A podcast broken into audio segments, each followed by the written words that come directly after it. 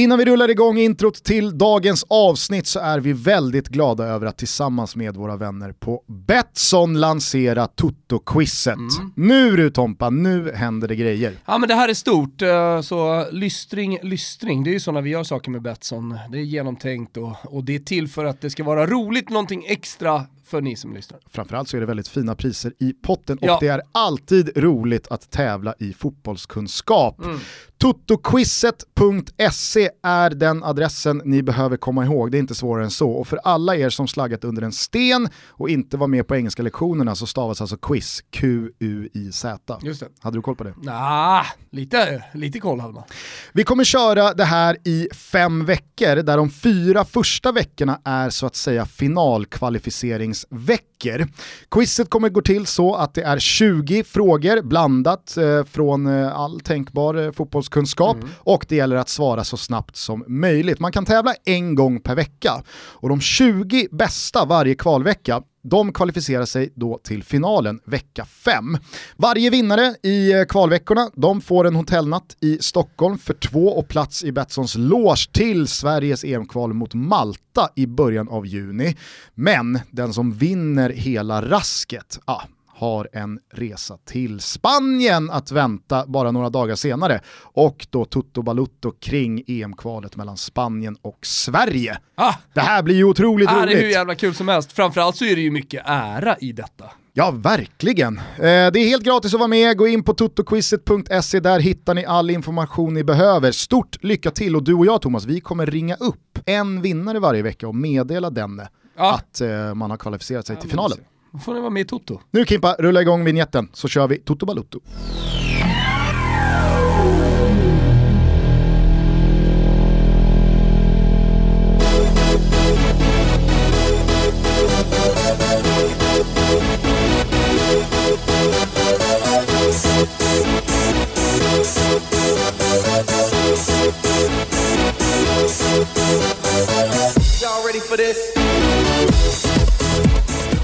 Varmt välkomna ska ni vara hörni till Toto Balutto. Det är måndag den 25 mars, löning. Mm.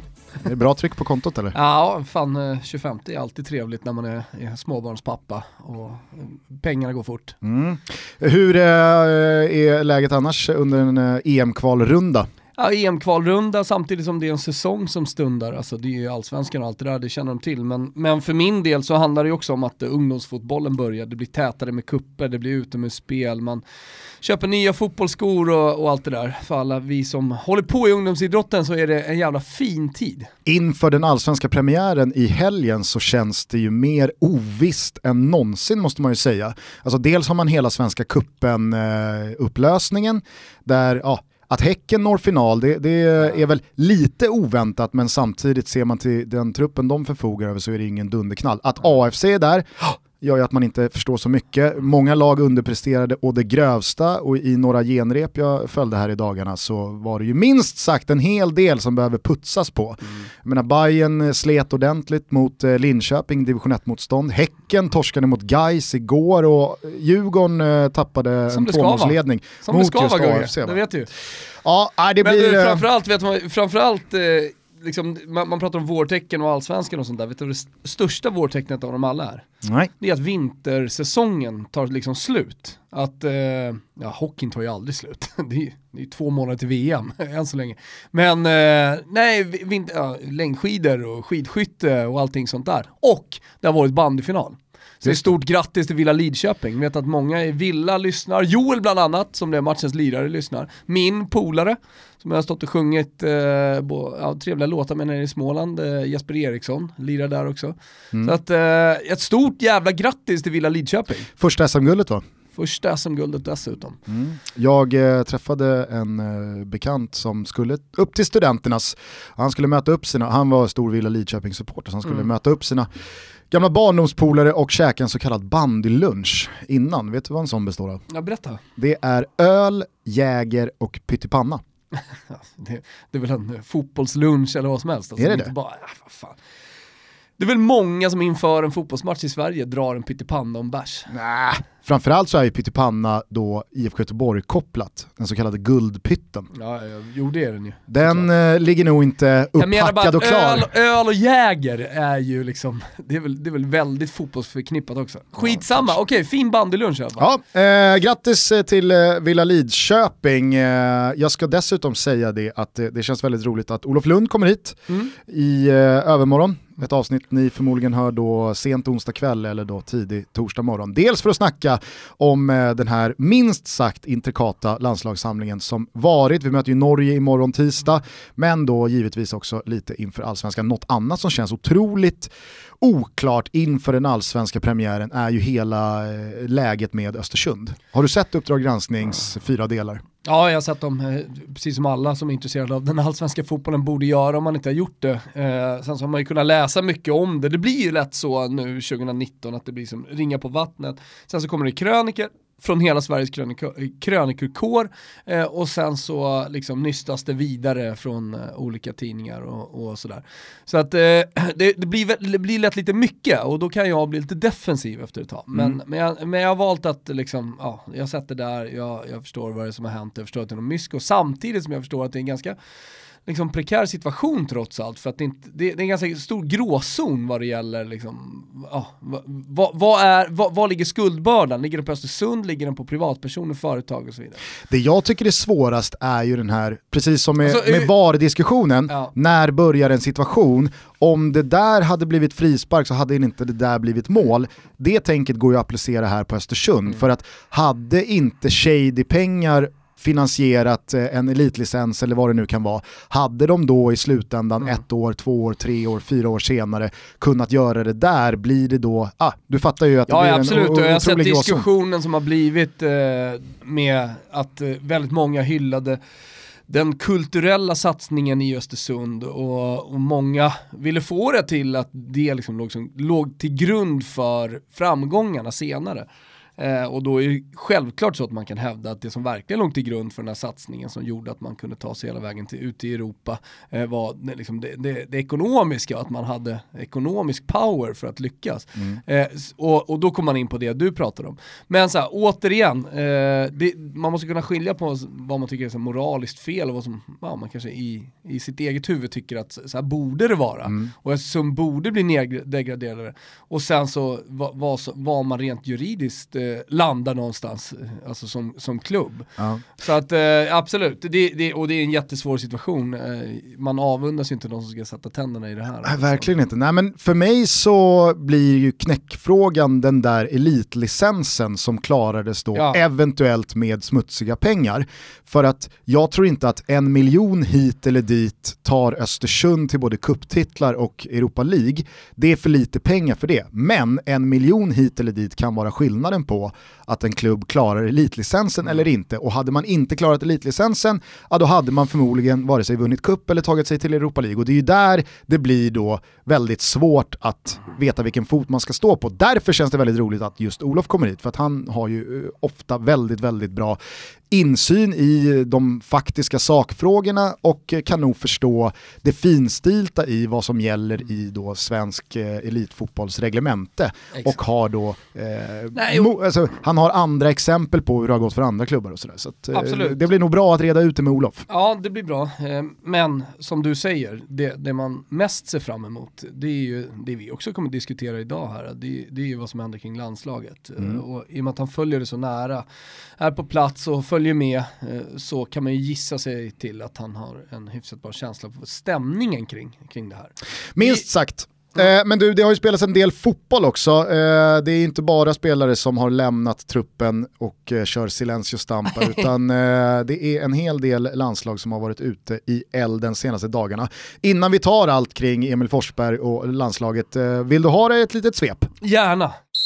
Lite drygt halva rundan av EM-kvalets första vända är färdigspelad och utöver den svenska segern mot Rumänien konstaterar vi att Spanien planenligt slog Norge men att det föga oväntat satt långt inne mot Lagerbäcks organiserade lusekoftor. Även Malta vann med uddamålet mot gruppens sorgebarn Färöarna. Fan, ska de inte bara kasta in handduken redan nu? Det nya, hypade, ja smått oövervinnliga Holland såg ut att vara på riktigt i sin första match. 4-0-seger hemma mot Vitryssland och Memphis Depay med 2 plus 2. Men sen kom Jogi Löws nybygge på besök och hux flux flög inte holländarna längre.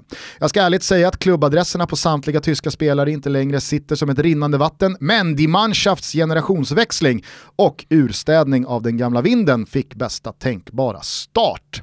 Samma betyg delar vi ut till England som bygger vidare på sommarens fina VM genom hela 5-0 hemma mot Tjeckien. Raheem Sterling hängde hatten och West Hams gullegris Declan Rice fick landslagsdebutera. Men Tjeckien hörni, svunnen är den tid då det fotbollslandet kändes konkurrenskraftigt. Nu leder Patrick Schick offensiven och ja, då drar man inte direkt ner morgonluft i lungorna. Portugal fick bara 0-0 hemma mot Ukraina trots att Cristiano Ronaldo var tillbaka i laget. VM-silvermedaljörerna Kroatien vann mot Azerbajdzjan men torskade senare mot Ungern. Belgien tog två plättlätta segrar mot Ryssland respektive Cypern och Irland lyckades med nöd och näppe ta alla tre poäng genom 1-0 mot självaste Gibraltar. Mm. Italien fick en stabil start mot Finland, seger 2-0 och Moise Keane i målprotokollet. Frankrike städade av Moldavien i en gäspning och en av den internationella säsongens allra största utropstecken, Krzysztof Piontek, gjorde mål för Polen i en av deras två inledande segrar. Målet kom mot Österrike som inte bara förlorade mot Polen utan även klev på pumpen mot Israel trots två mål av storstjärnan Arnautovic. Vad säger du Thomas? Ska vi sålla Eisterreich till Tjeckien och över det kommande decenniet totalt döma ut dem? För visst är det över nu. Jag vet inte eh, hur eh, liksom, mer du följer Österrike än många andra landslag. Jag tänker att du har ändå aner från, ja. från Graz. Ja, men det går ju upp och ner. Alltså jag tror att mitt, eh, ja, ja, för det första så pumpar inte hjärtat jättemycket för Österrik, österrikiska fotbollslandslag och det har ju väldigt mycket att göra med att de inte har varit bra. De har inte varit i mästerskap och de, de eh, har sällan lyckats. Sen så går det ju inte att undgå, eh, alltså inte ens mig, eller på att säga, jag tar om det där. Sen går det inte att undgå att de har varit eh, bättre på slutet, eller att, att det har funnits någonting eh, som har pyrt lite och det har varit på gång och man har haft Arnautovic, det har varit spelare som har eh, spelat i stora lag i Bundesliga, tränare som vi har pratat om i Tutto tidigare, att det, ja, men det har funnits någonting lite Schweiz över Öster, österrikiska landslaget. David eh, Alaba var ju ah. i, i, flera år liksom så här, wow, mm. det här är en av de bästa. Ja, och de var bra dessutom också. De var ett litet eh, Tyskland light, eftersom många spelar i Bundesliga. Och liksom ja, vi åkte ju dit och det kändes som att så här, en pinne är bra här. Ja, ja verkligen. På Ernst men, men det var väl lite där det stod när, där de stod i Zenit, alltså den generationen i alla fall med David Alaba som lagkapten och allt. Eh, men eh, som du är inne på nu så känns det ju ja, men så här, österrikiskt svagt igen, så som det gjorde under hela 90-talet. Alltså det, det, då var ju Österrike ett lag som man bara skulle slå. Sen så var det inte, det var inte Liechtenstein, men, men det var ju fortfarande ett dassigt landslag. Jag kommer mm. ihåg eh, någon match jag såg på Råsunda där det var 6-0 eller någonting till Sverige. Jag tror Kenneth Andersson gjorde några pytsar och sådär. Så, nej, men, men, men just det här det, det, du är inne på, om man, om man, ska försöka vara lite konkret i det och he, lite ärlig mot Österrike också, så är det ju, alltså i och med att den där generationen inte lyckades bättre, det blev aldrig liksom, någon, någon Schweiz-succé så att säga, eh, och det som man ser nu. Blev det en Schweiz-succé? Ja men någon slags ändå åttondelsfinal i VM, alltså Schweiz, Schweiz är inte ett landslag som eh, eh, heller har någon historia liksom, eh, in, inom, inom fotbollen. Och någonsin har varit ett landslag att räkna med när det har varit mästerskap. Men eh, när vi mötte dem i en åttondelsfinal liksom, 2018 då var det ändå, alltså, då var ju Schweiz, om man ska vara lite ärlig, alltså, mm, det var en jättefin prestation av Sverige, men Schweiz var ju lite bättre i spelet, kan jag tycka. Mm. Eh, och, och, det kändes som att de var lite mer spets, och om man kollar bara på pappret så kändes dessutom landslaget lite vassare än våra. Ja, så nej, att, alltså, jag menar såhär, pika, okej okay, det, blev inte, det, det, blev inte Belgien av Schweiz. Nej men, men exakt, det är men, det jag menar, jag vet inte vart måttstocken går för uh, det schweiziska folket, men det finns ju många generationer, precis som du nämner, Belgien, kanske Kroatien också, mm. som de fick till slut en resultatmässig framgång som inte går att snacka bort. Den är fantastisk eh, som medalj i VM oavsett vad man tycker. Men ta då ett Bosnien till exempel, de hade ju också en sån här fantastisk generation men går det att säga att de, de gjorde någonting av den? Jag vet inte vart eh, skamgränsen gick för Schweiz. Nej, men eh, i, i, min, I min värld så är Schweiz ett landslag som inte ska ha att göra liksom, i, i slutspel, i, i, i mästerskap. Det är så jag är uppvuxen och det är så Schweiz landslag klingar i min skalle. Mm. Är du med på vad jag menar då? Så att jag tror ändå att en åttondelsfinal i VM, okej okay, det är inte jättehistoriskt och det är ingenting som eh, man kommer skriva, eller eh, skapa tv-kröniker kring. Men det är ändå någonting. Eh, och, och, för schweizisk fotboll så tror jag att det ändå får ses som någon slags framgång och, och göra, och, och, ta sig dit. Men, men Österrike, eh, inte vet jag, det, det, kanske kommer en generation som är helt okej okay, vad det lider här. Men, men, men jag tror också att så här, konkurrensen är alldeles för stor mot andra eh, andra idrotter i landet. Vad eh, kokade intrycken från eh, Amsterdam Arena höll jag på att säga, den heter väl Johan Cruyff Arena numera? Ja det gör det. Vad, vad kokade de intrycken ner till? Nej men även om Tyskland vinner den här matchen så är jag fortsatt lite imponerad av Holland. Och jag, om, man, om vi nu ska prata lite framtid också, även kortsiktig framtid, så är jag helt övertygad om att Holland är tillbaka. Och uh, jag, jag, tror heller inte att det är hela världen att förlora. Visst, det är mycket prestige, det är viktiga poäng i, i uh, liksom en, en premiär, men det är också Tyskland som kommer. Sen, sen är det ju någonting med, med tyskarna. Alltså, och det, man, man, säger så här, ja, men man kan aldrig sluta imponera så att de kommer tillbaka. Men det är ju så med Tyskland, man, man kan aldrig på något sätt eh, dödförklara die Mannschaft. Eh, mm. Nu kommer en sån tydlig, det, det, tycker jag var coolt, att det kommer så tydlig generationsskifte. Eh, när det var, var 6-7 spelare i startelvan som var nya. Mm. Och att, att Jogi Löw verkligen markerar mot alla gamla. Vi har ju pratat om det här när han tog ut sin trupp och Thomas Müller var vansinnig och skickade brev och så vidare. Jag menar, att han dessutom gör så här med en startalva, alltså, fullständigt slaktar det som har varit. Det tycker jag ändå är jävla mäktigt, men det säger ju också någonting om hur, hur spetsigt bred den tyska fotbollen är. Vi, vi, eh, vi pratade finns. om det i uh, Eurotalk Weekend i torsdags förra veckan, när vi gick igenom den här matchen, hur man såg på den. Och då sa jag till Martin Åslund och Christian Borell att men, alltså, Jogge Löw spelar ju ett spel här nu med den här trupputtagningen, med att han går ut och stänger dörren till tre av de mest rutinerade och namnstarka spelarna, att han behöver ett resultat omgående för att inte direkt hamna på sån dunderminus att situationen blir ohållbar. Mm. Ehm, och, och, det tycker jag ändå genomsyrade den tyska insatsen också. Att det fanns en helt annan beslutsamhet, att nu spelar vi med lite mer än bara poäng som insats. Ja, men jag, och jag tror nog fan på det. Eh, nu kommer det en spontan tanke, men jag tror nog ändå på att ska man göra ett generationsskifte så är det lika bra att gå ut starkt från början. Kolla på Sverige. Jag trodde att det skulle ta två, tre år, det trodde nog de flesta med mig, innan det här landslaget skulle eventuellt kunna nå några framgångar. Men det kom direkt och den kom också direkt med att det blev he en helt ny kultur i landslaget, det blev en helt annan kultur mot media. Eh, sen kan man ju diskutera vad som har hänt rent gruppmässigt, eh, men det hände i alla fall och vi tog oss till ett mästerskap och vi tog oss hela vägen till en kvartsfinal. Helt otänkbart egentligen när Janne Andersson tog över. Visst, han har vunnit med IFK Norrköping och sådär, men, men, men att han skulle göra kortsiktig succé, det såg man inte riktigt komma. Men när jag tänker på det, och när jag tänker på det ur det här tyska perspektivet, så, så, så landar jag ändå i att eh, det, det kanske är så man ska göra. Bara ut och, och, ta några jävla smällar också, eller hur? Ja, samtidigt så tänker jag att eh, det finns en distinktion här mellan det självvalda generationsskiftet som Jogi Löv har gjort och det som Jan Andersson ställdes inför. Jag menar, Zlatan, Kim Källström och Isaksson, alltså den centrallinjen tackade för sig så och Jan Andersson hade ju inte så mycket att, att säga men till om det. Jag vet, men... Eh, Han valde ju ändå att köra vidare på Berg, Toivonen, Sebastian Larsson, Lustig, Granqvist och så vidare. Så att, Ja, nej men det, det, det, köper jag absolut, men i, i slutändan så blir ju, så i slutändan handlar det om fallhöjd för Jogge Löw kontra Jan Andersson. Jan Andersson fanns det ingen fallhöjd. Han kunde mer eller mindre ha gjort usla prestationer i det kvalet och ändå haft lite förtroende kvar. Och, ja, och folk, hade inte, folk hade inte rådissa honom, men sen tror jag att han hade fått en del kritik om så hade hänt. Nu är det bara en jämförelse med, med Tyskland, för det handlar om fallhöjd, men verkningsgraden blir ju ändå densamma mm. oavsett eh, om det det medvetet eller omedvetet. Man får ju säga att eh, det så håsade mittbacksparet då, van Dijk och Delikt mm, togs ner lite på jorden. Ja det gjorde det. Såg inte, såg inte kanon ut. Nej, det gjorde det inte. Och sen, Leroy Sané gjorde lite vad han ville där. Ja, det, det, det gjorde han och det, det, var absolut inte perfekt. Sen ska man ju komma ihåg det återigen alltså. men jag tycker att man ska trycka på det, att ett försvarsspel börjar med anfallare och allt det där. Så att det, det är inte bara de två som ska hängas, men de gör ingen bra match, det gör de inte. Sen är det ju kul att i det här väldigt, väldigt tydliga generationsskiftet så är det liksom en spelare som hänger sig kvar och det är Ryan Babel.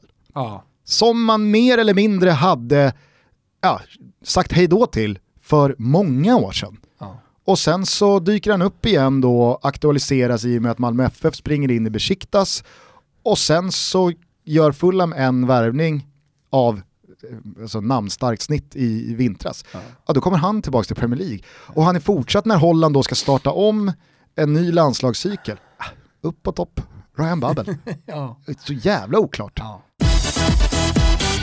Vi är sponsrade av Stay Hard och just nu så kör Stay Hard så kallade kunddagar. Vet du vad det här är Thomas? Ja, men de är till för alla som lyssnar på den här podcasten till exempel.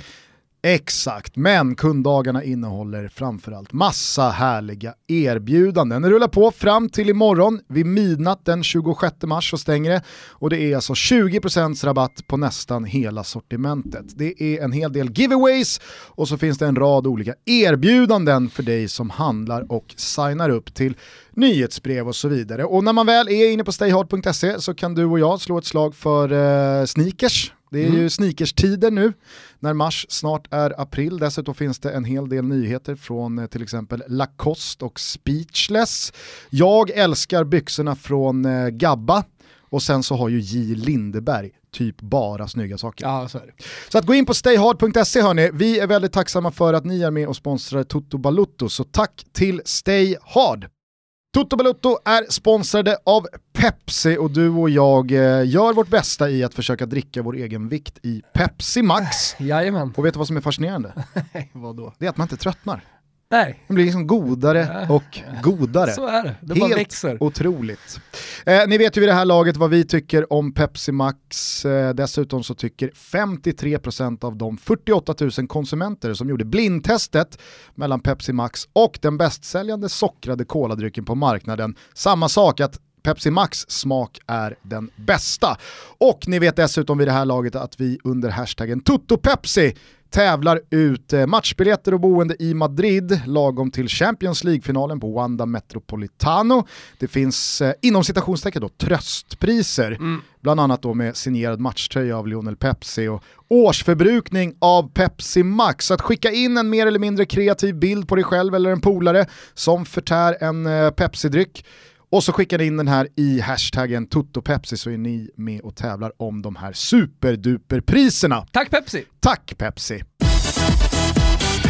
Vad säger du om eh, den eh, italienska EM-kvalpremiären? Vad fanns det för eh, växlar att dra? Var, ja, framförallt så är det ett generationsskifte som, som pågår i Italien och det är också ganska kraftigt av Mancini. Det han gör, som jag tycker är lite ballt, det är att han testar spelare som man mer eller mindre aldrig hört talas om. Vi pratade om Grifo tidigare, men, men eh, Tonali Brescia som visserligen är en supertalang, men, men att han får chansen, alltså spelar i Serie B och är ung i ett italienskt landslag. Det är ju så att säga icke-italienskt, så icke-italienskt mm. det bara kan bli. Och sen är det nog många som eh, fortfarande inte har en aning om vem Barella är.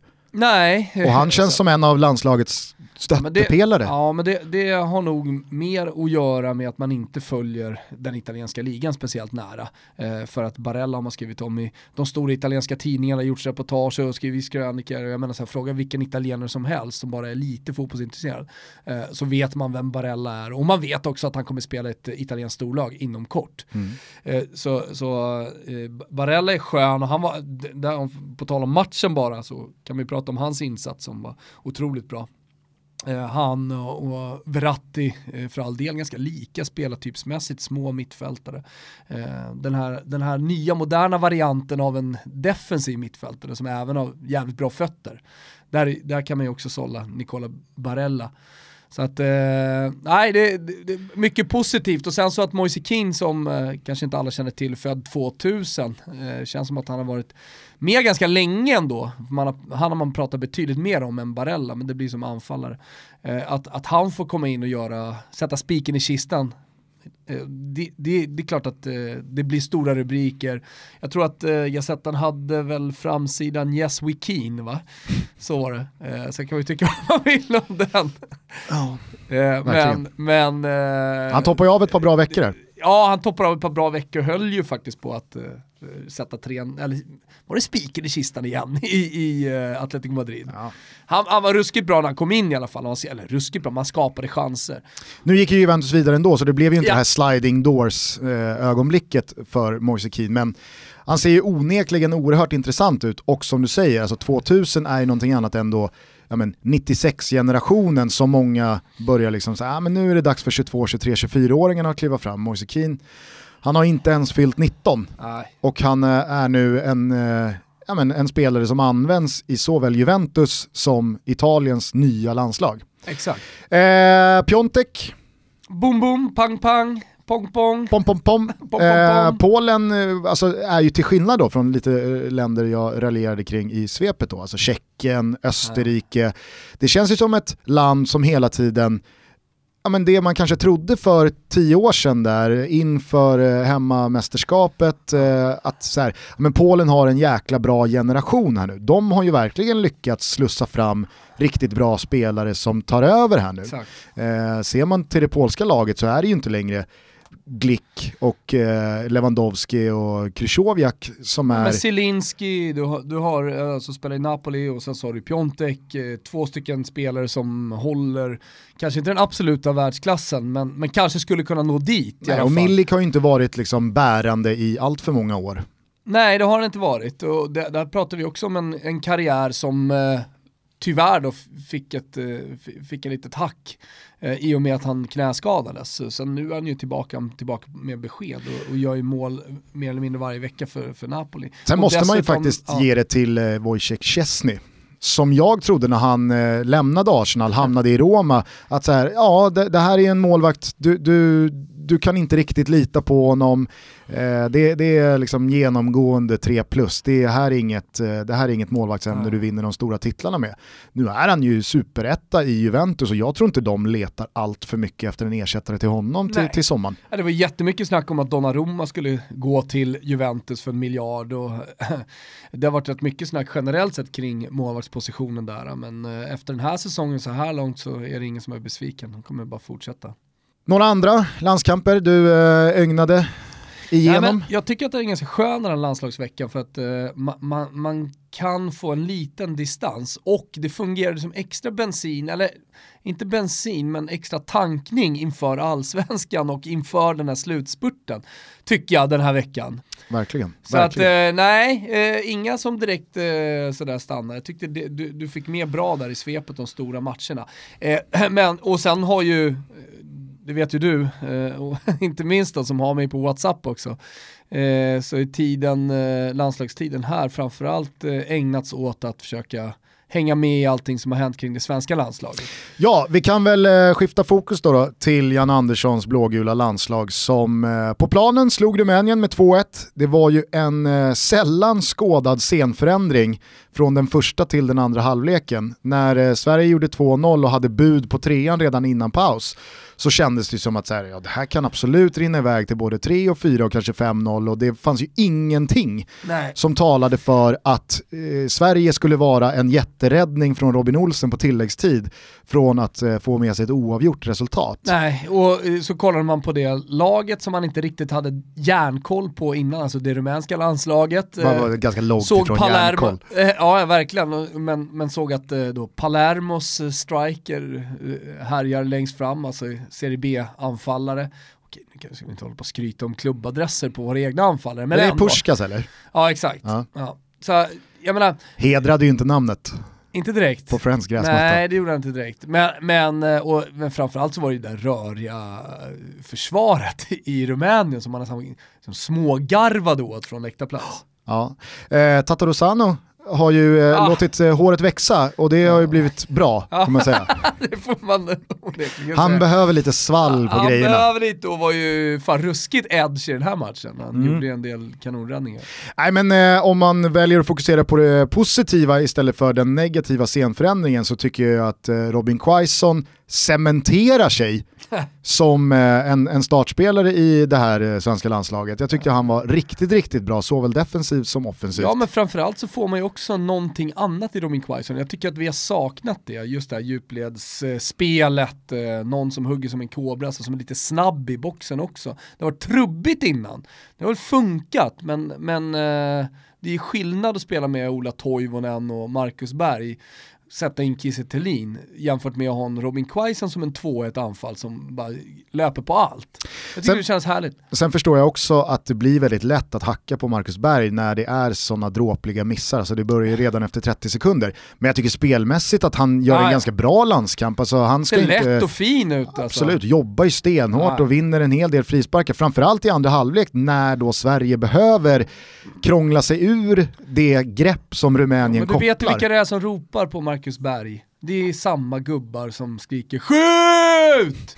när någon får en hörna till sig från 30 meter. Ja. Självklart ska han inte skjuta, han ska ju passa. Sen i det här, vad det gäller Marcus Berg, så jag menar okej, okay, självförtroendet finns inte riktigt där, men som du säger, spelmässigt så är han ju perfekt också i, i ett Janne Andersson-landslag, ett 4-4-2. Jag tycker eh, bakom forwardsduon i första halvleken så, så var jag också väldigt, väldigt tillfreds när jag gick in och värmde mig. Alltså jag tycker att Emil Forsberg såg otroligt spelsugen ut, han ville ha bollen hela tiden, gjorde mycket bra och han spelar ju med en mycket högre risk än ja. Sebastian Larsson eller Gustav Svensson så då är det klart att vissa passningar kommer inte eh, komma fram ja, hela tiden. Ja, och om men... det är någonting som, har kommit, eller, som man har pratat om så är det ju att han är precis tillbaka i Leipzig, han har spelat 60 minuter och han har inte gjort några hela matcher än i, i Bundesliga så att det måste man ju också ha med sig. Ja, jag, tyckte de, jag tyckte de växeldrog jäkligt bra, Emil Forsberg och Kristoffer Olsson. Alltså när Emil Forsberg tappade bollen, ja, då fanns Kristoffer Olsson där och, och tog tillbaks den och, och, avlastade honom och vice versa. Och till höger så är ju Viktor Claesson, alltså det är klass. Vilken klassgubbe alltså. Han är otroligt Nej, bra. Jag tycker också det. Han, han är ju lite på ett Niklas Alexanderssons sätt eh, en spel som man verkligen känner att man kan lita på. Alltså du, du, du får minst en 6,5 eh, prestation, alltså en trea i, i Expressen Aftonbladet. Mm. Minst! Ja. Och han har ju en sån otrolig fysik ja. att det, framförallt i matchens sista fjärdedel så är han ju liksom på en helt annan nivå än sina motståndare i en mot en situationen. Ja. Så löpningar och när han ska ta sig förbi och så, för att han, han ser så fräsch ut. Ja, alltså otroligt kraftfull. Han ser ut att ha spelat i fyra minuter. Eh, så att, äh, jag tyckte det fanns mycket positivt att ta med sig om man nu väljer att se på glaset som halvfullt. Om man ska se på det som halvtomt så tycker jag inte riktigt det kändes eh, sådär självklart med Filip Helander bredvid Granqvist. Alltså Nej. man märkte att här är det inte eh, lika synkat som med eh, Lindelöf. Och det visste det, vi innan också. Absolut, men det understryker ju bara än mer hur viktig Victor Nilsson Lindelöf är för det här eh, laget, framförallt försvarsmässigt. För att eh, det var ett par gånger där det kändes både ja, men otajmat och eh, Granen gjorde si, Helander gjorde så, man fick inte med sig backlinjen som en eh, enhet. Eh, så att, ah. ja, och då ska vi komma ihåg att det funkade väldigt bra med Pontus Jansson när han kom in och då pratade man om Janne Anderssons landslag som ja, men, en elva man bara kan komma in i. Mm. För man vet precis vad man ska göra. Här, här, här är det liksom ingen ja, men backduo eh, som är fundamental, utan det är ett lag och här kan liksom, ja, mer eller mindre vem som helst liksom komma in utan att och, och göra bort sig.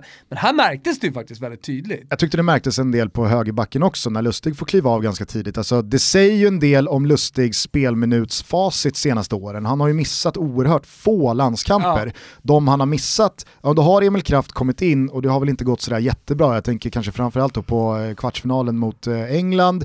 Men sen så tycker jag inte att Emil Kraft kommer in och stärker sina aktier här och visar att ja, ja, är Lustig borta så har vi en fullgod ersättare. Det, det, det stämde inte riktigt där heller. Nej, men, men så, så här, återigen så tycker inte jag att det ska landa på Emil Kraft eller på Filip Helander. Nej, alltså, det är en nykomponerad men... backlinje. Eh, men problemet är ju att man spelar väldigt få landskamper under en karriär och speciellt mm. under en säsong. Så att du har väldigt få chanser på dig att verkligen bevisa dig. Så att det är klart att det för Emil, Emil Kraft inte liksom landar i någon guldstjärna i kanten från eh, Janne Andersson, snarare tvärtom då. -huh. eh, Alexander Isak. Vad är motsatsen? Till? Guldstjärnan? Eh, det är väl eh, skamvrån. Nej men jag tänker vad målar man? Om man sätter en guldstjärna, vad målar man? En bock. Är det en bock? Ett kryss kanske? Ah, ja. kryss, i, kryss i marginalen. Ja. Alexander Isak hoppar in. Eh, och är ju eh, Tatarosanos fingertoppar ifrån att få kröna det. Ja, hur han räddar den, för jag tyckte att den var förbi, så såg jag reprisen på den, det var nästan ännu värre. Eh, så, och, men men det, hela den aktionen beskriver ju Alexander Isak väldigt mycket. Alltså Men det är så mycket inte riktigt- självförtroende i den aktionen. Ja, det är så mycket självförtroende och klass i den. Han, han vänder ju bort ett helt försvar och sen så hittar han ändå avslutet som går mot bortre. Mm. Så det, det, det är en klass som vi inte har haft i, i landslaget, alltså en talang som vi inte har haft i landslaget på väldigt länge. Så, så bara den anledningen så tycker jag att eh, ja, men han borde få chansen hela den här våren och sen tror jag om man får, liksom får spekulera så om en, inom en hyfsat rimlig framtid så kommer han vara startspelare. Det måste han väl bli. Nej, men jag, jag gillar också hur Janne hanterar flödet i Alexander Isaks intåg här i det riktiga landslaget. Jag gillade att han inte startade utan att han istället startade med Quaison för att Quaison är snarare en spelare som ja, men ska Ja, han fick ju slussas- rätt och, direkt också. Absolut. Sen så var det ju lite olyckligt kände jag för Alexander Isak eh, och hans då inhopp som man någonstans visste skulle komma, att matchbilden utvecklades som den gjorde. Eh, det hade nog varit eh, lättare att slänga in honom både tidigare och rent eh, liksom pressmässigt på hans axlar om det hade stått 2 eller 3-0 och det hade varit 20-25 minuter kvar. Nu blir det ju ändå ett läge där Rumänien håller på att kvittera, eh, men jag tyckte att han axlade det, eh, alltså han, han ägde den situationen väldigt bra ändå. Så att, nej, eh, mycket, mycket positivt i det korta inhoppet. Jag ser dock inte honom ha spelat in sin startelva här nu till Norge-matchen imorgon. Nej. Och det tycker jag inte heller liksom, han ska aldrig- göra. Nej, verkligen inte. Eh, däremot, alltså, spela in sin startelva får man ju se hur han hanterar situationen med Emil Forsberg nu. Mm. Alltså inte hur han hanterar den stora situationen, eh, för det tror jag att, det, där finns det inga frågetecken. Men vem sätter han in? Alltså är det di- den direkta eh, ersättaren som finns i truppen i Sam Larsson? Eller kommer han börja kasta om lite? Förstår du vad jag menar? Och Mm. försöka hitta, han, han kanske inte tycker att Sam Larsson har imponerat på träningar. Ja, vad gör han då? Sätter han ut Quaison?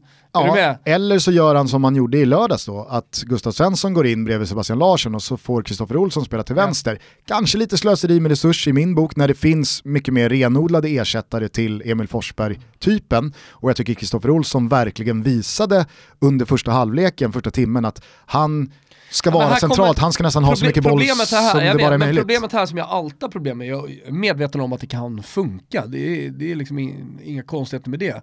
Men, men att börja spela, framförallt mittfältare, eh, liksom, ur position, det tror jag, så då, då, är, då är man lite snett på det. Speciellt när man möter ett så rutinerat landslag som, som eh, Norge, som kommer stå rätt i precis alla positioner. Alltså, då behöver vi någon till vänster som faktiskt kan utmana. Sverige kommer ha en hel del boll. Och då behöver vi lite, behöver lite spänst på, på kanten, inte Kristoffer Olsson. Vi är sponsrade av Sveriges största fotbollsbutik Unisport. Ja det är vi och vi är väldigt glada över Toto-hjulet eh, som vi har dragit igång, eller ska vi säga att vi har rullat igång det? Ja, det kan man verkligen Snurrat igång det. säga. På unisportstore.se tuttohjulet så har man en gång per dag chansen att snurra fram eh, både fotbollsskor, matchtröjor och fotbollar. Så att eh, var med och tävla, vi kör hela månaden ut. Ja, man kan ju ha det som liksom, sin dagliga surfing, att man går in på unisportstore.se slash toto så är man med och snurrar liksom. Det finns ju en hel del härliga matchtröjor att eh, införskaffa eh, på unisportstore.se. Vet du vilka som är säsongens fem mest populära fotbollströjor Ja, jag är sugen på att veta. bland då svenska konsumenter? Eh, jag skulle tro att Liverpool och United ligger högt. Etta och tvåa. Ja, du ser. Eh, och sen så kommer väl Arsenal slags topplats också. Har du sett de här siffrorna? Nej, men eh, jag, Arsenal är tänker, med. jag tänker på vilket lag folk håller på. Ja. Så att, eh, ja det är klart att det är, det är de tre. Vänta, det finns en outsider här. Är det så att Barcelona ligger med? Är det verkligen en outsider? Nej det är det inte, men då, då har jag fyra plus en outsider ska jag ha. Mm. Ja, jag har fyra. Fyra av fyra har du. Fyra av fyra, då säger jag att den sista är City. Nej, det är fel. Jag misstänker att eh, hela den svenska sportjournalistbranschen har varit inne och klickat hem en sån här Spurs. tröja. Ja. Det finns ett svenskt namn med på de fem i topp eh, vad gäller namn att trycka Vigge. på sin tröja. Det är Victor Nilsson Lindelöf. Så att eh, hörni, eh, antingen så följer man med den breda strömmen eller så går man sin egen väg. Utbudet är enormt på unisportstore.se. Vi tackar Unisport för att ni är med och sponsrar Toto Balutto. Som lök på laxen efter eh, Victor Nilsson Lindelöfs minst sagt eh, omdebatterade nej tack i början av eh, den här landslagssamlingen eller när truppen togs ut så lämnade alltså Emil Forsberg truppen igår söndag och det blev ju eh, om en ännu mer omdiskuterat det här. Alla såg nog vad som hände på planen. Eh, Emil Forsberg blev utbytt efter dryga timmen, in kommer Gustav Svensson. Det var ju en eh, kroppsspråksmässigt uppenbart missnöjd Emil Forsberg. Tyckte mig kunna läsa på läpparna, ah men vad fan. Och så lunkar han ut, tar i hand med Janne men går bara förbi och sen så sitter han ju på bänken där och blir inzoomad några gånger. Han såg inte helt nöjd ut där heller. Eh, sen undviker han eh, media i den mixade zonen utan går bara förbi och eh, säger nej tyvärr på frågan om han eh, kan tänka sig att prata lite. Och Strax efteråt så rapporterar Aftonbladet om att Emil Forsberg kommer att lämna samlingen och att Jan Andersson ska vara informerad om det här. Eh, mer än så sägs det inte från landslagshåll förrän eh, drygt 12 timmar senare då under söndagen när då man kommunicerar ut att Emil Forsberg lämnar men att det här till 100% beror på en ljumskskada som man har undersökt tidigare under söndagen och att det är i samförstånd eh, som Emil lämnar. Han önskar dem lycka till mot Norge och eh, det, är, eh, det, det, är inga konstigheter från eh, blågul sida. Nej, exakt. Och efter det så har det ju spekulerats. Eh, det Aftonbladet skrev var ju att han tackade nej för att han var missnöjd, eh, helt enkelt. Eller sa hej då. Ja, eller sa hej då. Eh, och det ska också sägas att i höstas så kom ju tyska rapporter, eller rapporter från tyska tidningar om att Emil Forsberg bråkade med Janne. Mm. Och det var också anledningen till att han inte var med.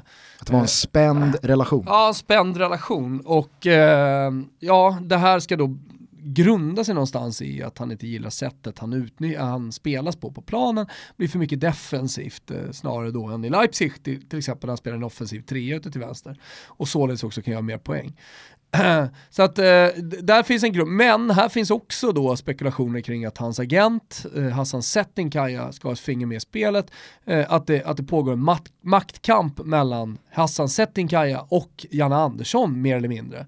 Alltså vem är det egentligen som, som styr det här landslaget och, och att då Hassan Settinkaya utnyttjar sina spelare, Robin Olsen som tidigare också varit uppmärksammad för att han valt att inte prata med pressen. Victor Nilsson Lindelöf, ja, kom uppgifter om att han inte skulle vara med på grund av att JG inte var med, om Guidetti, som har vem då? Hassan Settikaj. Ja, så att, eh, att det här då på något sätt skulle vara en, en slags maktkamp, vilket är helt sjukt, man har, man har svårt att förstå vad eh, det egentligen skulle gynna hans, eh, låt, låt oss kalla dem det, adepter med hans, hans kunder, hans, eh, hans spelare i hans stall. Är det Va kanske så att utrikeskorrespondenten har stängt dörren till landslaget? På grund av? Janne. Han har ju också Hassan va? Ja, ah, utrikeskåren Hassan. Däremot så kan man ju tycka att någon av dem, om det nu är utrikeskåren, det är Hassan eller någon av, som de kallas nu då, lite så här slentrianmässigt slängs det med uttry eh, uttrycket Hassans eh, eh, budbärare. Ja. Är du med? Alltså har du sett på, på Twitter nu? Ja, jag har sett. Ja, att eh, sådana som Hassan, eh, andra agenter som Hassan jobbar med är ute och svingar då mot landslagsledningen och andra, även journalister.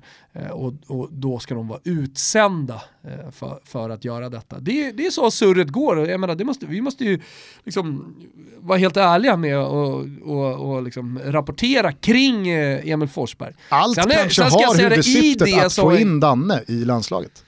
Ja det kan man ju verkligen hoppas. Mm. Eh, men, eh, nej, men så här, Då backar man ju den här kvartettens ja, agerande. Ja. Alltså, jag skulle ha jävligt svårt att skriva en krönika kring det här, för jag vet inte riktigt vad, vad jag landar i, i och med att det är så mycket spekulationer bara. I och med att man vet så väldigt lite, men någonstans så, det, alltså, det, det, man vet är ju att det är ingen rök utan eld. Någonstans så, så finns det ju någonting med Hassan Settingkaja och landslaget. Eh, det är något, något jävla fishy med Emil Forsbergs eh, eh, liksom, eh, att han bara lämnar och att Aftonbladet faktiskt visste det här. Ja. Eh, och, och, och, att det tar så lång tid, för det ska man säga, det tror jag inte folk förstår. Att när de här uppgifterna kommer, då bör, det, det som först händer, det är att man ringer till landslaget för att få en kommentar. Eh, och då kan man ju tycka såhär, men de har väl all rätt och varför ska de svara på det där? Och det är som Stefan Pettersson säger, landslagschefen, liksom att ja men vad det var sent på kvällen det, det, är lätt för en utomstående som inte jobbar i den här branschen att tänka så här, ja vadå, de var väl trötta? Nej, alltså på, på sådana här samtal, när sådana här uppgifter kommer, då svarar man. Alltså det är, eller, man säger, det är ovanligt, så som jag har förstått det också när jag pratat med kollegor i den här branschen, det är jävligt ovanligt att det tar så lång tid som det ändå tar innan landslaget svarar.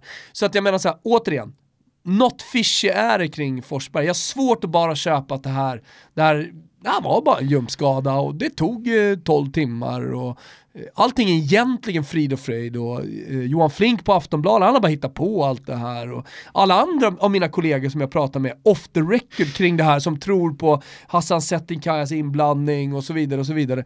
Eh, att, att de skulle vara helt ute och snurra. Jag tycker Patrik Ek, Ekwall skrev en jävligt bra krönika igår där han liksom satte många så här spot on grejer som handlar mycket om det här, liksom att fan, nå- något, nå- något är skit här. Och när kommer vi få reda på sanningen? Det var ju som när Stefan Schwarz lämnade en samling för att han fick reda på att Tobbe Linderoth skulle spela. Då drog han till Spybar, krökade skallen av sig och så dagen efter lämnade han landslaget. Det fick vi ju reda på, det här visste man ju om och jag tror att det skrevs om, men, men landslaget mörkade. Sen några år senare så fick man reda på att det här faktiskt stämde. Eh, så att när, när, och, det är ju bara huvudpersonen här som vet om hela, hela sanningen. Ja men det man kan konstatera är ju att, alltså så här, det var ju precis som Janne sa då igår under söndagen att ja, det är såklart väldigt störande och inte alls bra att Aftonbladet vet att Emil Forsberg kommer lämna landslaget 12 timmar innan han gör det.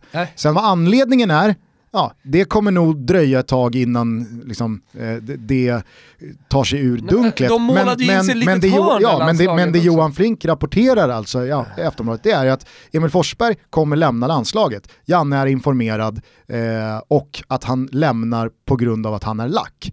Sen så blir den officiella anledningen, det som kommuniceras från sportsligt håll, att han lämnar på grund av ljumskarna, men att han de facto lämnar. Så det är ju det är, det är för mycket som inte går ihop för att det här inte ska vara Ja, är ju- eh, konkret. Ja men det är klart det gör. Att, att Johan Flink då skulle ha så gissat rätt, han skulle hitta på alltihopa och sen gissat rätt, om vi skiter i anledningen att han lack eller ljumske, men att han ändå skulle ha gissat att, rätt att Emil Forsberg skulle lämna landslaget dagen innan. För det första så är det en jävla chansning från Flinkens sida. Det får man säga. För jag menar, vi fick ju ganska omgående på morgonen höra att Emil Forsberg var på, på frukosten och att han fortfarande var kvar. För det snackades ju om omgående, sen kan man ju, sen kan man ju eh, självklart liksom tolka omgående som man vill. Men han lämnade ju de facto på söndagen. Ja. Det är för mig omgående. Alltså, går väl inte jättemånga flighter från Arlanda till Tyskland efter midnatt. Det finns ju en frulle som ska inmundigas, jag menar, den är ju gratis om inte annat. Så att eh, det, det, det är klart. Det, men jag tror att alla som, som har följt det här och som nu har nyktrat till lite från sina egna känslor känner precis som du och jag gör det här nu, att nå, nå, något, är ju, något är skevt här alltså. Absolut, sen så tycker jag att eh, du och jag har ett ansvar i och med att vi har en sån stor plattform, att, jag, att, att åtminstone säga att alla liksom så här person Har vi ett ansvar för att vi har en stor plattform? Eh, ja men det tycker jag, Okej. absolut. Fan Eh, vad vi tar det ansvaret på, eh, alltså, lättsamt i så fall. ibland. Ja, framförallt jag. Ja. Ja. Nej men jag, jag tycker verkligen att så här, oavsett anledningarna, oavsett eh, vilken sida man står på, oavsett hur man eh, liksom konsumerar den här rapporteringen, alla jävla personpåhopp, om det så är mot eh, Emil Forsberg eller om det är mot andra aktiva spelare eller om det är mot journalister eller om det är mot agenter. Eller, så, så, där, där, måste, där, där, där, där tycker jag verkligen att folk behöver, de behöver en uppsträckning. Fan, väx upp, alltså var, var vuxna människor, tyck vad man vill men att, att gå på personer och, och skriva sådana saker som man gör, nej det blir, det blir bara för låg nivå. Då diskvalificerar man sig själv från att på något sätt ha en vettig säg i hela, i hela i eh, soppan. Jo, men, alltså, det, det, det är väl så det fungerar. Samtidigt, man behöver inte hela tiden heller dra det kortet kan jag tycka. att så här, ja, äh, växa upp, eh, använda ett bättre språk och så här. 2019 återigen, alltså, det, är, det, är, det är en jävla mörk Twitter eller sociala medievärld vi lever i. Så det, det, är lite som eh, när det gäller allt sånt där, alltså det, du får ju stänga ner hela skiten om du ska bli av med det. Du, du kommer aldrig bli av med det annars, det är för mycket troll där ute. Ja, eller så kan man tänka ett varv extra innan man... Ja, eh, vi kan ju, vi kan ju tycka att man ska ut ty- ja, det kan någonting tycka. som är ja, över men, gränsen. men det kommer inte folk göra. Kanske inte, men då har vi i alla fall sagt det. Jag skulle bara vilja äh, återgå lite till det du touchade här vid, nämligen då... Snarare så får man, så får man jag, jag kan ju tycka liksom, är man i den positionen att man äh, faktiskt äh, får kritik eller får beröm för det man gör, alltså att man är offentlig person, oavsett om man håller på med fotboll eller artist eller vad det nu är, så, så, så måste man ju kunna ta den kritiken för vad det är också. Alltså är det något jävla troll, det får ju du och jag till oss också, folk som, som kallar oss för både det ena och det andra och det kan jag tycka är, ja, men, det är lite sorgligt och, och trist att folk använder sig av eh, viss typ av språk. Men man får ju ta det för vad det är också. Det är ju någon som har känslorna liksom utanpå eh, nerverna, utanpå skinnet som är arg, man har sagt något om någon favoritspel. Nej, jag vet. Eh, jag skulle bara vilja eh, snabbt återgå till det du nämnde här kring Hassan Settinkajas eventuella inblandning och konspirationsteorierna kring det. Jag skrev om det här på Twitter igår, att jag, jag, jag tycker hela lobbyn som då spelar ut liksom Hassan Settinkaja som den gemensamma nämnaren och ja, Ja, man kan ju misstänka att eh, här har ju agenten eh, mer eller mindre fingrarna i kakburken och är den som rycker i alla trådar. Jag känner så här, man måste vara mer konkret än så när man då drar in deras agent i det här. Vad menar man är eh, plotten här? Plotten är maktkamp. Ja, och maktkampen i att de försöker få bort Jan Andersson ja. från förbundskaptensposten. Ja, ja. men håll med mig om att det är i alla fall en konkret teori. Jag har liksom också följt några som menar att ja, men det här är deras sätt att markera att John Guidetti ska vara med i nästa landslagstrupp. Det kan ligga som en del i det också. Och det är också konkret, men håll med mig om att allt för många bara liksom svävande skickar in Hassan Settinkajas namn och att de här spelarna ja. har honom som agent. Ja, men det är för att det är så svårt att förstå, en maktkamp är jättesvårt att förstå, speciellt på den här nivån när det handlar om ett svenskt landslag, som man ska representera och, och, och alltså vars tröja man ska bära med stolthet, det är det det handlar om. Våra, våra elva bästa ska stå på planen eh, mot oavsett vilka, vilket motstånd det är. Det är det det handlar om, det är bara stolthet. Att det då skulle finnas någon agent som, som liksom kliver in och har någon maktkamp med vår förbundskapten. Det är fullständigt o, alltså det, En det förbundskapten som dessutom har nått den största svenska landslagsframgången på hur många år som Exakt. helst och har inlett EM-kvalet här nu med sig. Han sitter ju supersäker, han har ett nytt kontrakt, han är älskad av folket, alltså Janne ska ingenstans. Mm. Jag kan förstå agenter som eh, får sina eh, klienter och adepter, spelare, att ja, men mer eller mindre bråka sig bort eller göra sig omöjlig i en klubb för att hamna i ett visst läge rent transfermässigt och man jobbar mot en klocka, fönstret stänger, nu eller aldrig, nu måste man göra så. Så går det till, men det är i klubblagssituationer när man försöker få till en transfer, när man försöker få till en ändring. Landslagssammanhang, det är ju något helt annat. Och dessutom, alla de som då driver de här teserna om att de här spelarna ska göra det här eh, för att stärka sin position. Emil Forsbergs aktie är för fan svagare än någonsin nu bland eh, de svenska fotbollsintresserade. Victor Nilsson Lindelöf, ah, han har väl inte heller kommit ur det här on top. Robin Olsen, jag vet inte hur många som applåderar hans silencio stampa. Alltså det är så här, ja jag kan ju inte känna att de här spelarna har gjort det, alltså de har inte fått något kanonresultat. Alltså, det kan ju mycket väl vara så att det inom förbundet eh, har blivit så att eh, Hassan Settinkaja Kajas spelare, eller eh, låt säga han, han, själv, på något sätt, alltså deras position har stärkt i den här, stärkts i den här maktkampen. Alltså man behöver inte bara utgå ifrån vad, vad folket tycker om spelarna eller vad Jan Andersson tycker om spelarna. Det finns, alltså en maktkamp eh, liksom, eh, kan ju ha helt andra, eh, kan ha ett helt annat perspektiv på det. Men eh, tro, alltså, tror, du det, an... tror du det själv? Vadå att? Att de här spelarna har stärkt sin position i landslaget gentemot den sportsliga ledningen? Uh, jag tror absolut raka motsatsen. Jag, jag har faktiskt ingen aning. Alltså det kan mycket väl så att Hass, Hassan Setting kan ha tagit positioner alltså, i den maktkampen. Det är mycket möjligt. Och jag menar om han tar positioner då tar även hans, eh, hans spelare positioner. Om det är så att, eh, nu kommer inte det hända, men, men, men på något sätt att Janne är försvagad liksom, i, i den maktkampen ja, då har han väl lyckats på något sätt, det inte vet jag. Men, men man, man kan, man, det, det enda jag menar är att, alltså så här, dels har man ingen insyn, så jag har ingen aning. Alltså det, här, det här spekulerar bara fritt och försöker vara någon slags motpol mot dig när du säger det. är enkelt såklart att kolla på det utifrån och inte fatta någonting. Vad kommer folk tjäna på det här? Vem tjänar, vem tjänar något på det i slutändan? Känslan är att alla förlorar. Mig, du håller i alla fall med mig om att det är för luddig kritik eller ja. för luddigt kort att spela ja, ut.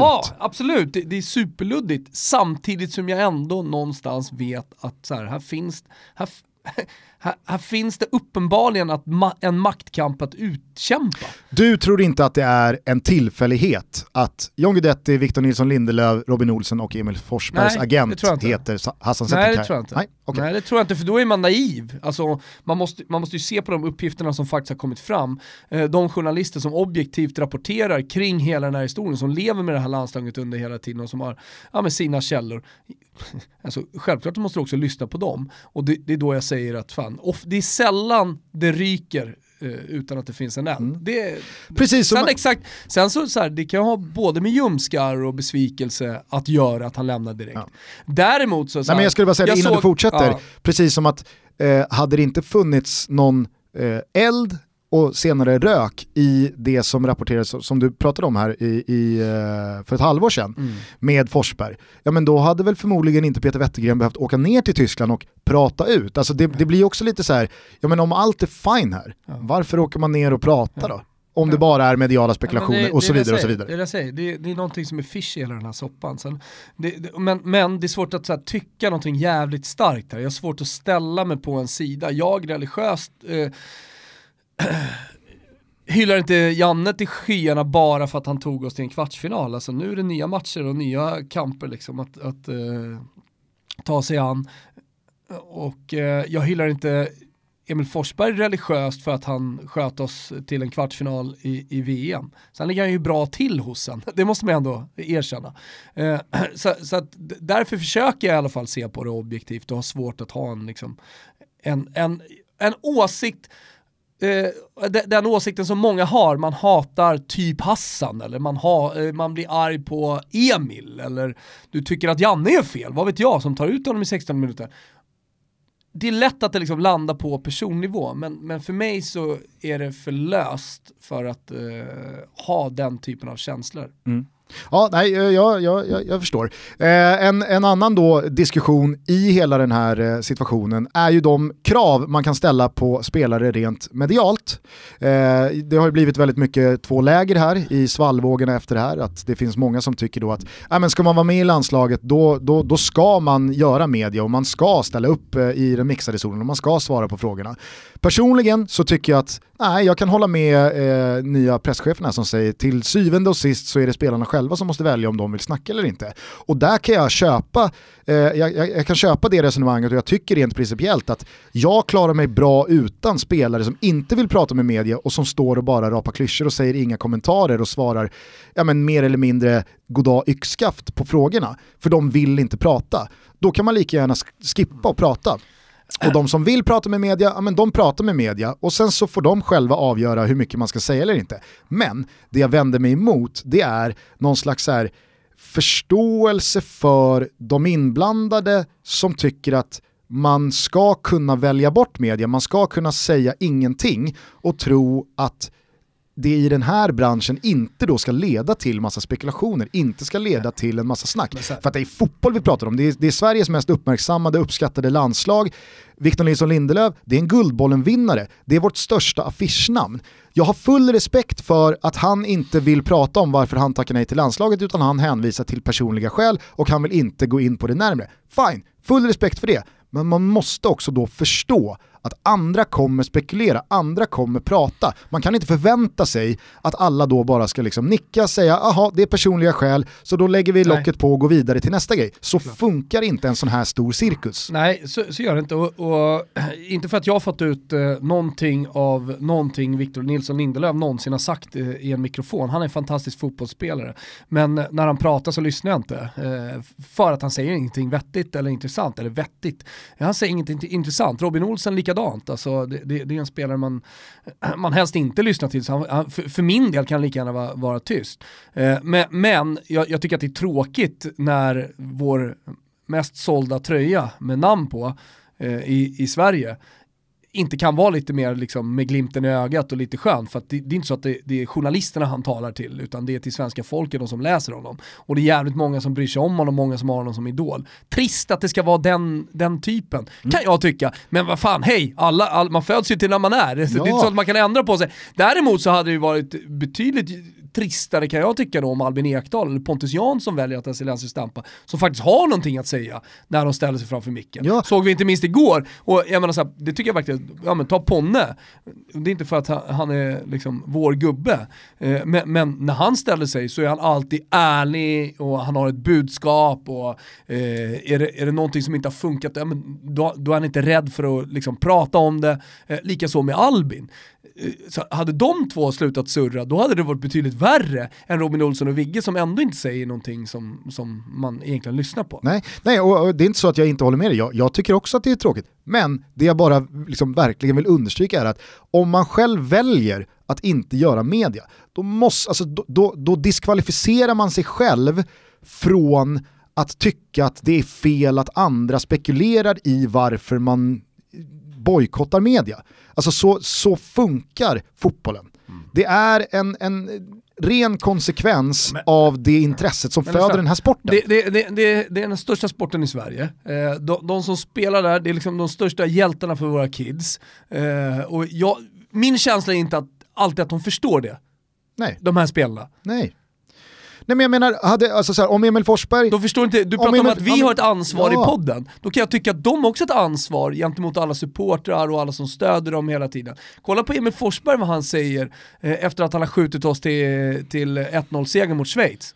Nej, det är det största ögonblicket i mitt liv hittills eh, såklart. Det, var, det är en fantastisk känsla att få skjuta Sverige till kvartsfinal. Det, det är sånt man drömmer om som liten och att nu få uppleva det, det, det är fantastiskt. Jag har jobbat hårt för att komma hit. Och stödet här och, och där hemma? Ja, Precis, nej, jag har alltid folk bakom mig. Alla, hela min familj har varit stått bakom mig under hela tiden. Det...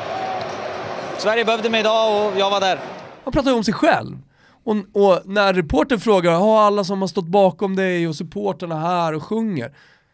Han pratar om sin familj, och visst det är klart han ska göra det också. Man kan väl säga ett ord till alla som har rest hela vägen till Ryssland och stöttat dem och som har varit i Milano och, eh, och genom ett playoff eh, följt det här laget. Någonting kan han väl säga om dem. Mm. Och sen så landar väldigt mycket i sig själv snarare än i laget. Nej, ja, för, mig, för mig är inte det en skön personlighet. Det här konkreta exemplet tycker jag kanske är det bästa någonsin. Han lämnar planen uppenbart missnöjd. Det kan alla som sitter på läktaren se, det kan alla som följer matchen via tv-apparaten se. Han sitter och muttrar på bänken, Sverige har vunnit men ändå så går han bara raka vägen förbi eh, mixade zonen och väljer att inte svara. Om han nu har så pass ont i ljumskarna att han känner att nej, jag kommer inte kunna spela mot Norge, jag kommer lämna imorgon. Alternativt att han har bestämt sig för att lämna samlingen för han är så jävla lack på Janne och hela den här situationen att skitsamma, nu drar jag. Oavsett vad, om han läser någonting och förstår sin roll i hur man då spelar ut sina kort, så då kan man ställa sig 30 sekunder i mixade zonen och säga ljumskarna känns åt helvete, jag, det, jag, jag kommer inte, jag, det, det, här kommer inte gå. Jag ska gå. ta en funderare ja, här. Liksom. Men Eller vi, säga vi, vi får se. Ja. Då har han liksom så här, han har sagt att det handlar om ljumskarna ja. och han kan dra då, använda det som antingen för vad det är då eh, alternativt 100% sanning, eller som ett svepskäl, det ligger någonting annat bakom. Vad vet jag. Men då har han i alla fall pratat med media. Alltså så här, tro fan att folk kommer snacka när han lämnar dagen efter och han har gått av planen sådär, sett ut som han gjorde på ja, bänken och sen inte, inte sagt någonting ja, till media. Förstår man inte det och, och är helt oförstående till att hela den här situationen har uppstått när folk då är kritiska till hans agerande, Aftonbladets artikel eller inte, men då har man inte fattat någonting. Nej. Prata med media, eller prata inte med media, men pratar man inte med media då måste man förstå ja, att man ställer... Hur apparaten ja. fungerar. Exakt, exakt. Och det är exakt samma sak vad gäller Victor Nilsson Lindelöf. Jag har full respekt för att han säger det är personliga skäl och jag vill inte säga mer än så. Okej, okay. Men då måste han också förstå att alla andra kommer prata. Alla andra kommer spekulera. Det är, det är Guldbollen-vinnaren vi pratar om. Ja. Det är Sveriges största fotbollsspelare. Ja, ja. Det är inte någon jävla volleybolllirare i Örkelljunga Nej. som man då liksom, jaha, nej okej, han, han spelar inte. Nej, nej, on to the next one. Utan det, det är liksom större än så. Ja. Det måste man förstå. Ja. Men jag håller med dig, schnitzel till eh, Albin Ekdal i den här situationen som går ut.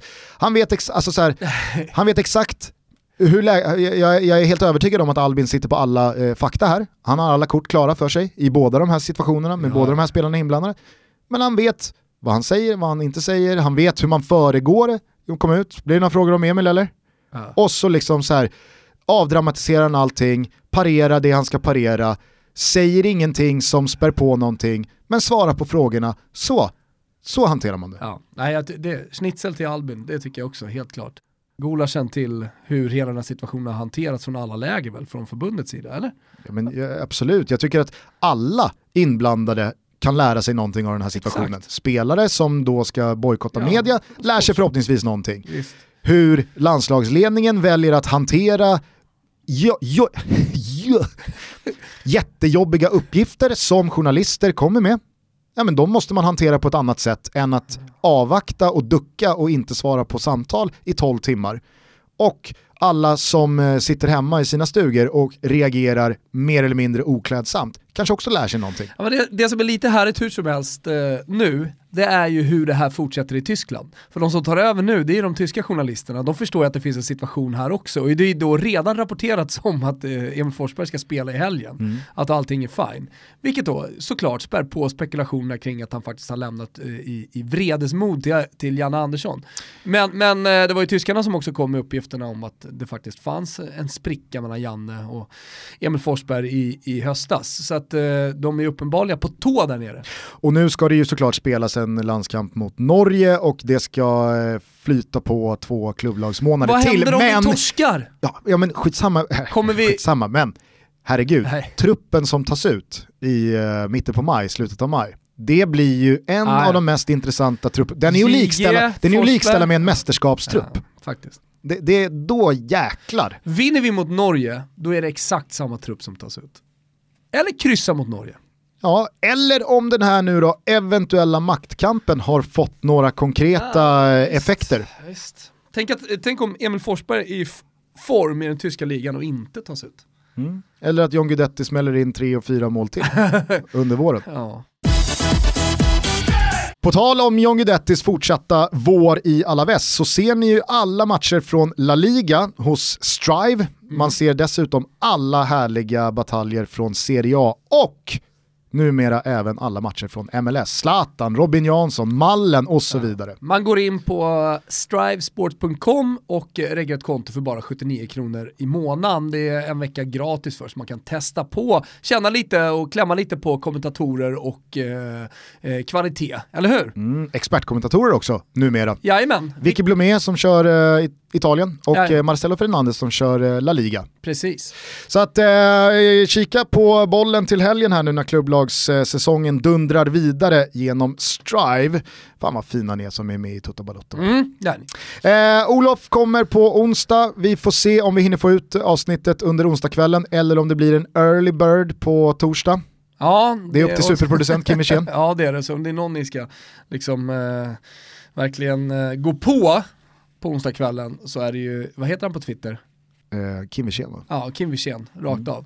Eh, så bara skriv till honom. Han eh, driver en eh, enmans eh, gerilla krigsföring mot eh, medias rapporteringar om Petter Stordalen. Väldigt underhållande att följa på Ja, Twitter. faktiskt. Hörni, eh, fortsätt lyssna på Toto Balutto, hör av er också och sen så eh, kan vi väl bara puffa lite för nakata.se. Mm, en sajt som vi har skapat med Topdog Olof. Ni som har varit med länge i Toto Balotto vet att Topdog det är eh, före detta Grand Frank. Eh, tillsammans med honom så har vi startat nakata.se där eh, kommer vi ägna oss eh, åt fotbollsmode. Det blir väldigt liksom Toto Balutto-präglat här initialt på nakata.se men det kommer sedan uh, massa sköna, till exempel Keeper Edition håller vi på att jobba på just nu. Mm, Ni som följer oss på Instagram såg också att eh, en ny Toto Balutto-kollektion har fotats upp. Ja, Vi har kryddat eh, hoodies och eh, vanliga t-shirtar med eh, tre special-t-shirts också. Mm. Eh, så att, eh, håll ögonen ögon och öron öppna. Snart finns eh, de ute till Signa försäljning. upp om ni vill liksom vara först, för att eh, vi, vi släpper bara små kollektioner. Eh, så signa upp på nakata.se om man vill liksom hänga med från start. Vi hörs, syns, tjabba, Ciao tutti! ciao tutti. Say something, I'm giving up on you.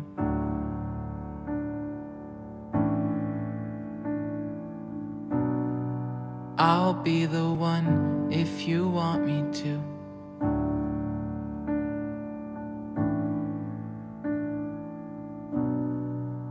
Anywhere I would have followed you.